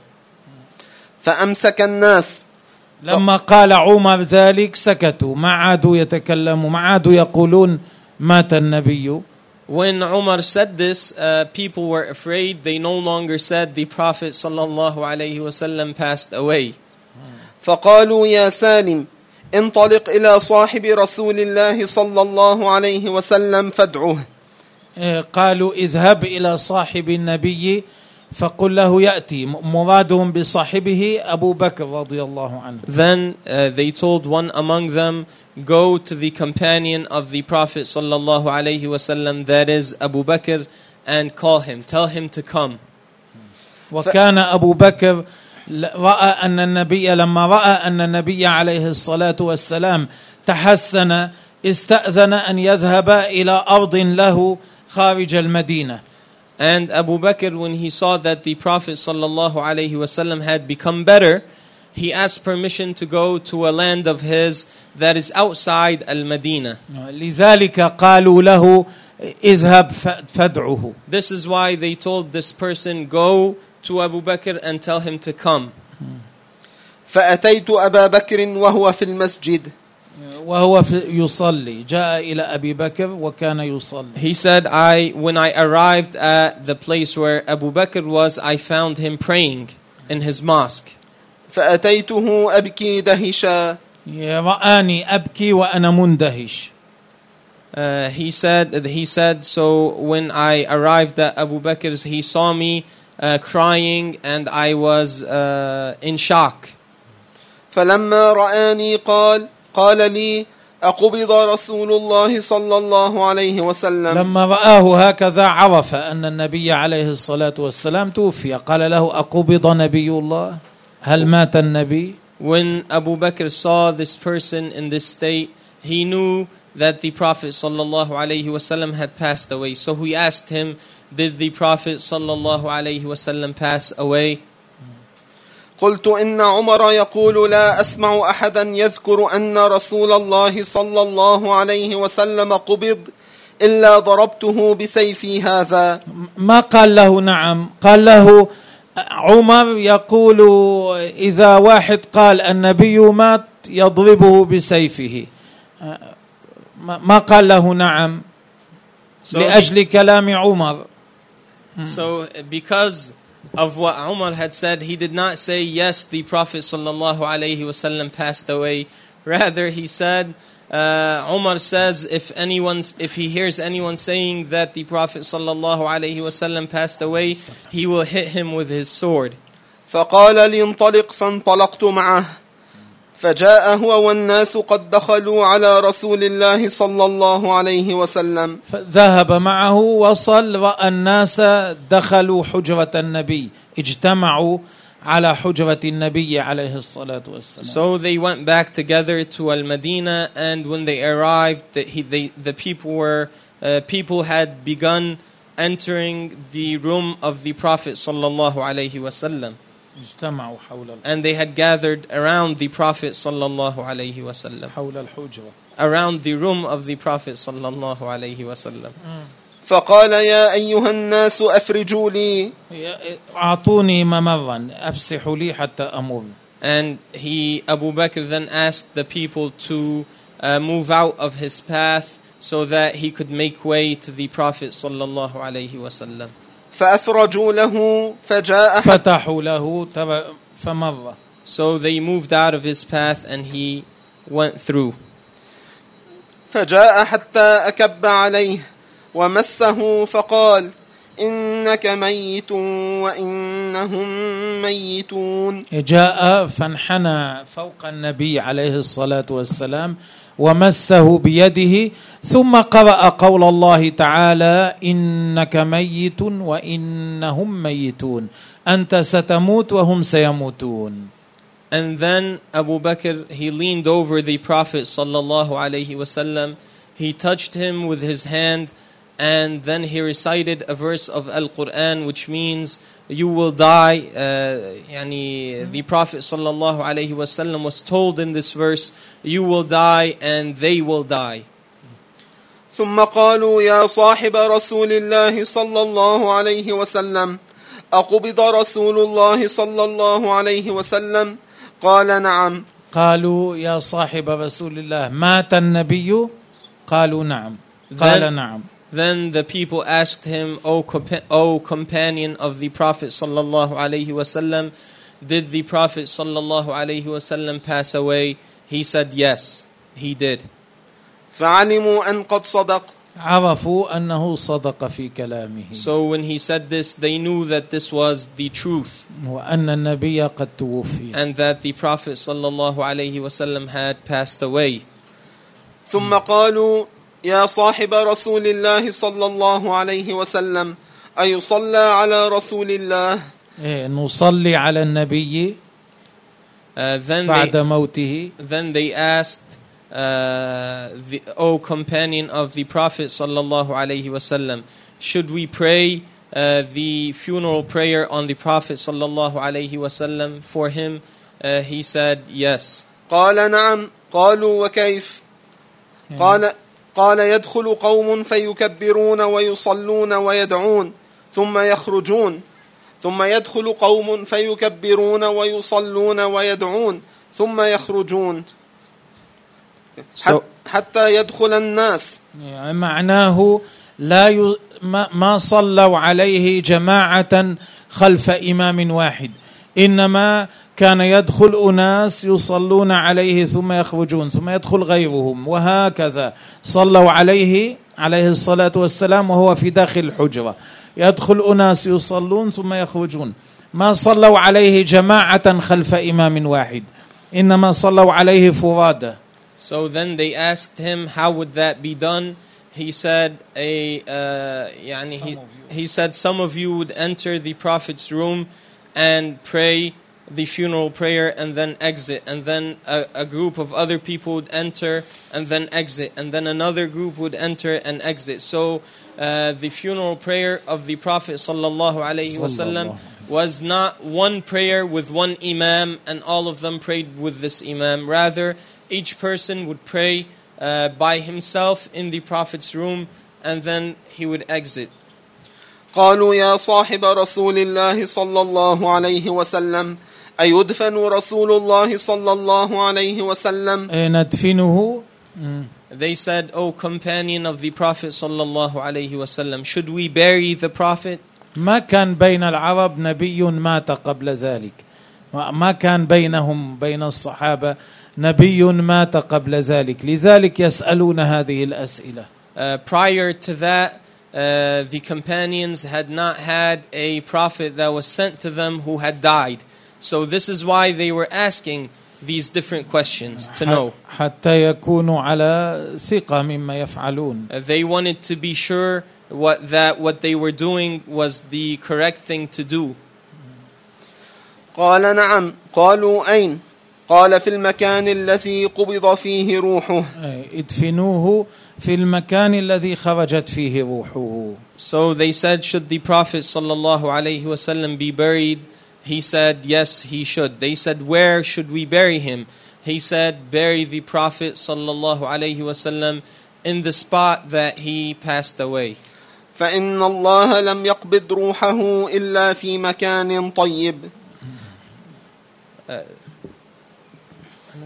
The, he said, uh, because Allah Ta'ala did not, yani the Prophet sallallahu alaihi wasallam did not pass away uh, except in a spot that is a good location, a good place.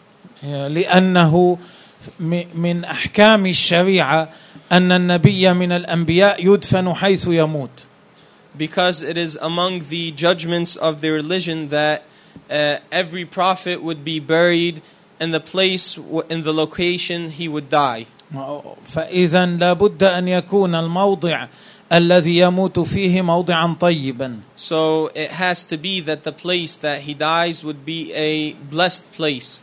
ليس مثل غلام أحمد القادياني Not like Ghulam Ahmad al Qadiani. إيه، الذي ادعى النبوة He claimed that he was a prophet ثم مات في بيت الخلاء and then he passed away in the bathroom. وهذه إحدى علامات كذبه And this is one of the signs that he was lying. فعلموا أن قد صدق عرفوا أنه صادق فيما يقول So when Abu Bakr told them what he said, عرفوا أن هذا هو الصادق they knew that what he said is the truth and what should be done. ثم أمرهم أن يغسله بنو أبيه أن يغ... أمرهم أن يغسله قرابته من جهة أبيه Then Abu Bakr told them that his relatives from his father's side would be the ones to wash the Prophet sallallahu alaihi wasallam. و- ونزل في قبره علي والعباس وقثم والفضل بن العباس And four people, Ali and Al Abbas and Qutham and Al Fadl ibn Al Abbas, they were the ones to enter the Prophet's grave. وآخر واحد خرج من القبر كان قثم قثم بن العباس And the last one among these four to exit the Prophet's grave was Al Qutham ibn Al Abbas. قثم الذي قبره في سمرقند Qutham, who is buried in Samarkand. واجتمع المهاجرون يتشاورون فقالوا انطلقوا بنا إلى إخواننا من الأنصار ندخلهم معنا في هذا الأمر. يعني الأنصار في ذلك الوقت كانوا اجتمعوا ليتكلمون ماذا يفعلون بعد موت النبي عليه الصلاة والسلام. من يخلفه؟ So at that time, Al Ansar had gathered uh, to discuss who would be the caliph after the Prophet sallallahu alaihi wasallam. فبعض المهاجرين قالوا نذهب إليهم حتى نتكلم معهم Uh, some of Al Muhajirin, the immigrants from Mecca to Al Medina, uh, then said, Let's go to our brothers from Al Ansar so that we would discuss this matter with them. فقالت الأنصار منا أمير ومنكم أمير. بعض الأنصار قال يكون اثنان منا أمير ومنكم أمير. أمير من الأنصار وأمير من المهاجرين.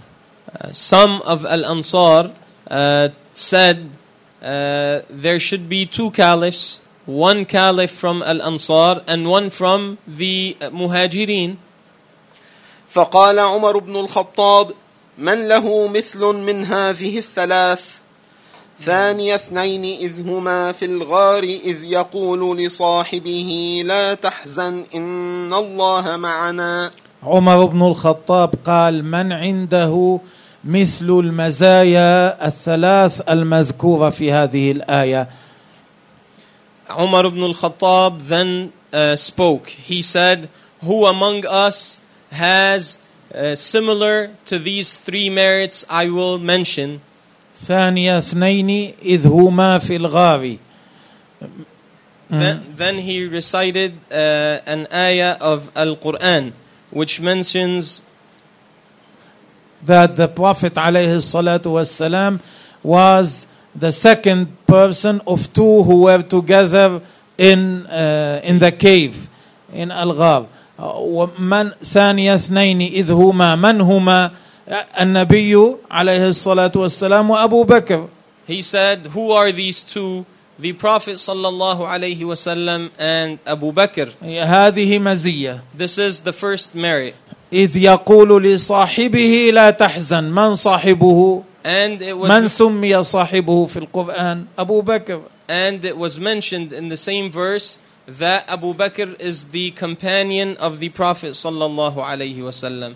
So who else among you was among us was mentioned in the Quran that he is a companion of the Prophet sallallahu alaihi wasallam. إذ يقول لصاحبه لا تحزن إن الله معنا أي الله ينصرنا من كان المعني أبو بكر والنبي عليه الصلاة والسلام And then in the same verse it is mentioned that Allah Ta'ala uh, give victory يحمينا that Allah Ta'ala will protect and support us. Who is uh, meant by us? Uh, the Prophet sallallahu alaihi wasallam and Abu Bakr. من هما قال ثم بسط يده فبايعه بعدما قال هذا قال لأبي بكر ابسط يدك أبايعك يعني عرف أنهم فهموا لا أحد بينهم برتبة أبي بكر قال له ابسط يدك أبايعك فبسط أبو بكر يده فوضع يده في يد أبي بكر فبايعه Then uh, Umar radiallahu anhu knew that they all understood that no one among them had a rank as high as Abu Bakr. So Umar said uh, to Abu Bakr, Give me your hand. And he gave him his hand and he pledged allegiance uh, to him. وبايعه الناس بيعة حسنة جميلة فبايعه باقي الناس بعد ذلك كلهم بيعة طيبة And then the rest of the Muslims pledged allegiance to Abu Bakr radiallahu anhu. A good, uh, in a good manner. حدثنا نصر بن علي الجهضمي قال حدثنا عبد الله بن الزبير شيخ باهلي قديم بصري. قال حدثنا ثابت البناني عن أنس بن مالك أنه قال لما وجد رسول الله صلى الله عليه وسلم من كرب الموت ما وجد فقالت فاطمة وكرباه لما أحس النبي عليه الصلاة والسلام بشدة ألم الموت ابنته فاطمه قالت وكرباه ما هذا الكرب الشديد الذي ينزل بي تقول عن نفسها الالم الشده when it is narrated in this hadith that when the Prophet sallallahu alaihi wasallam, as we mentioned, when he was dying, the Prophet sallallahu alaihi wasallam uh, had a very painful death. So when his daughter Fatima uh, radiyallahu anha saw how painful, how much her father was in pain, she said, uh, "What means similar to oh my pain." Yani, the, me- the, me- this means I am very painful for the pain my father is enduring. فقال النبي صلى الله عليه وسلم لا كرب على أبيك بعد اليوم هذا آخر كرب ينزل بأبيك بعدما يموت لا ينزل به كرب بعد ذلك The Prophet sallallahu alaihi wasallam told her, "This is the last pain your father will endure. After your father's death, death, uh, he will no long no longer feel pain. إنه قد حضر من أبيك ما ليس بتارك منه أحدا إيه، جاء أباك شيء لا بد أن يأتي كل الناس أي الموت Uh, he he went on to say, sallallahu alaihi wasallam, what means uh, your father has met today something that will meet every person, which is death. الموافاة يوم القيامة. نلتقي يوم القيامة. اللقاء يوم القيامة. He told her, we will meet on the day of judgment. حدثنا أبو الخطاب زياد بن يحيى البصري ونصر بن علي قال حدثنا عبد ربه بن بارق الحنفي أنه قال سمعت جدي أبا أمي سماك بن الوليد يحدث أنه سمع ابن عباس أنه سمع ابن عباس يحدث أنه سمع رسول الله صلى الله عليه وسلم يقول من كان له فرطان من أمتي أدخله الله تعالى بهما الجنة. يعني من مات قبله اثنان من أولاده فصبر يكون يدخل الجنة. وسميا فرطان لأنهما يسبقانه فكأنهما يهيئان له الموضع في الجنة. الفرط هو الذي يسبقك فيهيئ المكان حتى تكون فيه. ففرطان من أمتي معناه ولدان. من مات له ولدان. فصبر يكون هذان الولدان كانهما اثنان يسبقانه فيهيئان له مكانه في الجنه اي يكون في الجنه بصبره على موتهما The Prophet sallallahu alaihi wasallam said, as narrated in this hadith, uh, the person whom two of uh, his children die before he does, and this person is patient with that, then this person, because of his patience, uh, with this hardship, uh, he would be granted paradise. فقالت عائشة فمن كان له فرط من أمتك ماذا في الذي توفي له ولد واحد Then uh, Aisha radiallahu anha asked the Prophet sallallahu alayhi wasallam, How about the person that only one of their children die before them? قال ومن كان له فرط يا موفقه قال وكذلك يعني The Prophet sallallahu alayhi wasallam said also uh, this person will be granted paradise. قالت فمن لم يكن له فرط من أمتك ماذا بالنسبة للذي لم يمت له ولد قبله She said how about the person that none of his children die before him قال فأنا فرط لأمتي لن يصابوا بمثلي. قال فأنا موتي مثل موت ولده قبله لأنهم لن يصابوا بمثلي لن يفقدوا حبيبا إلى قلوبهم يوازيني. The Prophet صلى الله عليه وسلم she then asked him how about the person among your nation that none of their children die before them? Uh, the Prophet sallallahu alaihi wasallam then told her, uh, "I am, uh, yani, the Muslims will not endure uh, any losing any loved one, any person as dear to them as I am. So if they are patient for, uh, if they are patient with my death, يعني this would be as if they had lost one of their children before they die." باب في ميراث رسول الله صلى الله عليه وسلم. هذا الباب معقود للكلام عن ميراث النبي عليه This next chapter pertains to mentioning the inheritance of the Prophet صلى الله عليه وسلم. حدثنا أحمد بن منيع قال حدثنا حسين بن محمد قال حدثنا إسرائيل عن أبي إسحاق عن عمرو بن الحارث أخي جويرية له صحبة قال ما ترك رسول الله صلى الله عليه وسلم. زوجة النبي عليه الصلاة والسلام. قال ما ترك رسول الله صلى الله عليه وسلم إلا سلاحه. سلاحه الذي كان خاصا به. وبغلته. بغلته دلدل. وأرضا جعلها صدقة. وأرضا في حياته بين أنها تكون صدقة بعد موته. تكون صدقه عامه للمسلمين تصرف يصرف منها اشياء في امور مخصوصه والباقي في مصالح المسلمين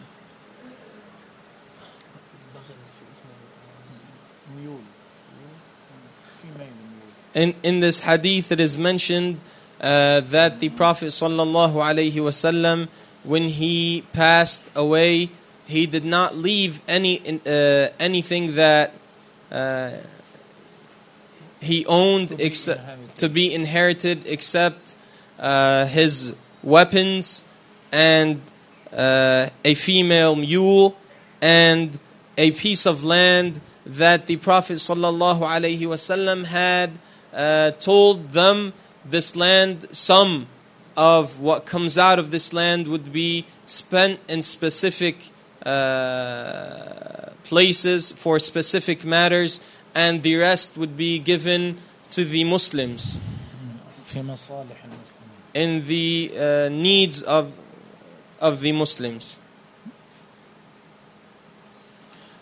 Yeah, a part of what comes from this land would be spent in specific areas, specific types of spending, and the rest would be for the needs of the Muslims in general.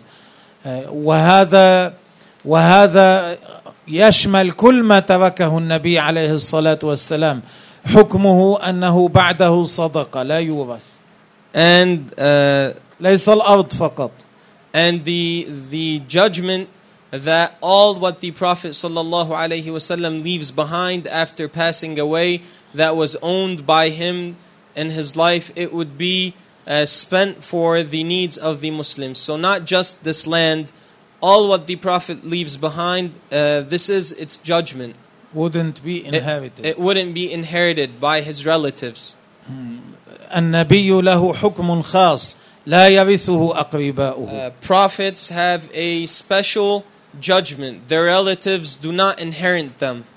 إنما يكون مالهم صدقة Rather, their, uh, the, what they owned, their property, would be, uh, a- after their death, it would be given to the needs of the Muslims. بعد موت النبي من الأنبياء لا يرثه ولده ولا بنت أولاده لا يرثونه ولا زوجته ولا عمه ولا لا ير- ولا أولاد عمه إنما ماله يكون الذي تركه صدقة After a prophet dies, uh, his children do not inherit him, his son does not inherit him, his cousins do not inherit him, none of his relatives inherit him. His wife also does not inherit him. His daughter does not inherit him. Rather, uh, the this prophet's property would be uh, spent to, to يعني, it would be for the needs of the Muslims. لكن ذكرت الأرض بخصوصها في هذا الحديث لأنها تبقى فتستمر صدقتها So uh, the land was specified in this hadith, and it was mentioned that it would be spent as uh, uh, given to the needs of Muslims. It was specified because land usually uh, Remains. remains. البغل So, يموت uh, for example, a mule would die, والسلاح يصدأ And- ويتلف uh, weapons made from metal. Uh, they Might. would they might rust and then they might uh, also perish. However, العبد يموت a, a slave would die, وهكذا and so on. الثوب يبلى Uh, clothes. Uh, أما الأرض تبقى uh, As for the land, it remains. لذلك خصت بالذكر This is why it was specified in this hadith. It was mentioned specifically in this hadith. حدثنا محمد بن المثنى قال حدثنا أبو الوليد قال حدثنا حماد بن سلمة عن محمد بن عمرو عن أبي سلمة عن أبي هريرة أنه قال لا لا ن- نقف هنا نقف هنا. إلى هنا والله تعالى أعلم أحد عنده استفهام Uh,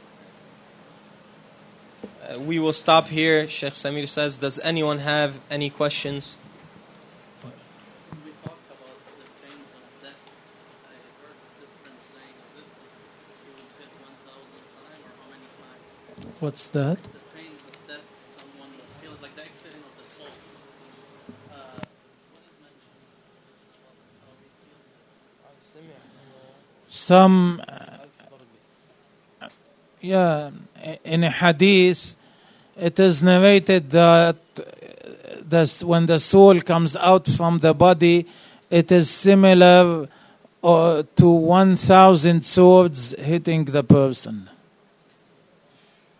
Yeah.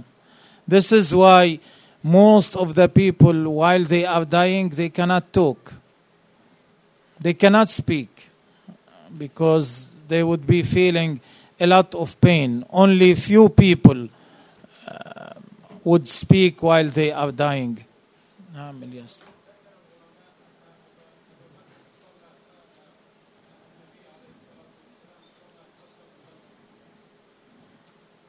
ه- هذا هذه هذه مرة غير هذه ليست هذه المرة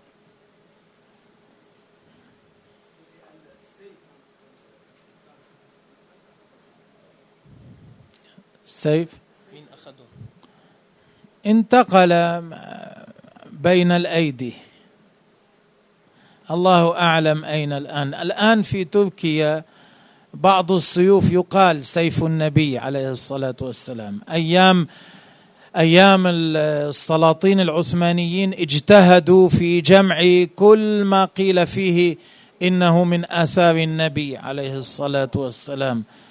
جمعوا من من السيوف واللباس وغير ذلك. موجود في تركيا. منه منه ما هو صحيح ومنه ما الله أعلم بحاله. بعد موته مباشرة.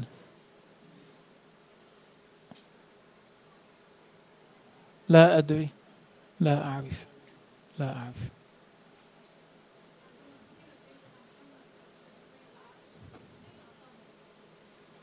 فيها آه. دفن النبي عليه الصلاة والسلام في الحجرة وبقيت هي ساكنة فيها After the Prophet was buried in um, the room of Lady Aisha, she stayed living in that room.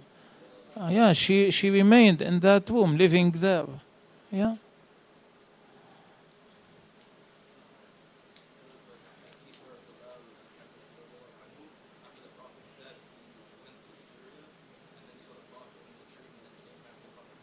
طيب.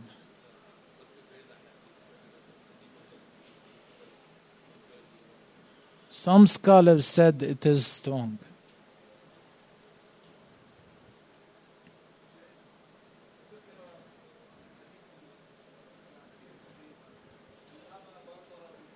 بريرة إيه عائشة ما ذكرت اسمه رضي الله عنه ما قالت رجل آخر ما أرادت أن تقول علي نعم وعليكم السلام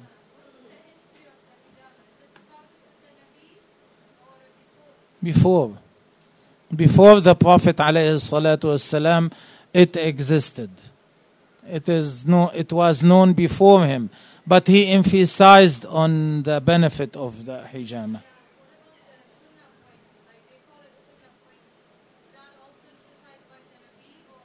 what are these? Sunnah yeah, this is where the prophet made al hijama yeah he used to make al hijama he made it in the two sides of the neck and the upper part of the back. Yeah. No no no no. This is this was not specified by him. No this was known from before that they benefit but this was made for him al-hijama was made for him at these areas وفيكم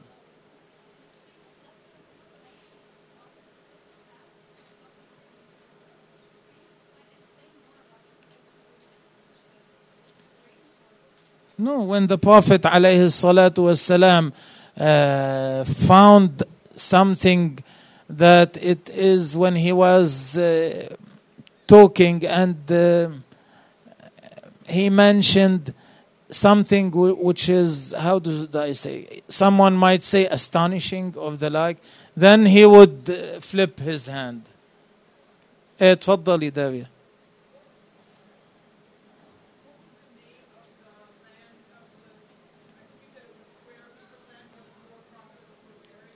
It is well known in Al Khalil. If someone goes to Al Khalil, then everyone knows that.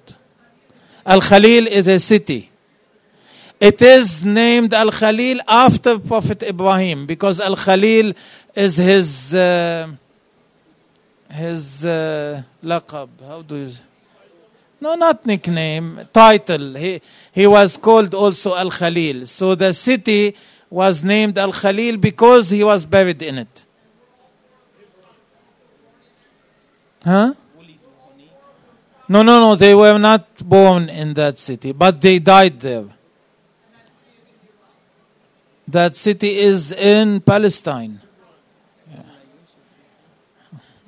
إلا يعني except for Prophet Yusuf uh, he died in Egypt and then he was moved there. This was an exception among the prophets. He did not die there. He, he was he died in Egypt, but he told them, when you go to Palestine, you take me there. So that's why they wanted to take him with them. He, this was an exception for him. بارك الله فيكم. نهلل. لا إله إلا الله. اللهم صل على سيدنا محمد وعلى آله وصحبه وسلم.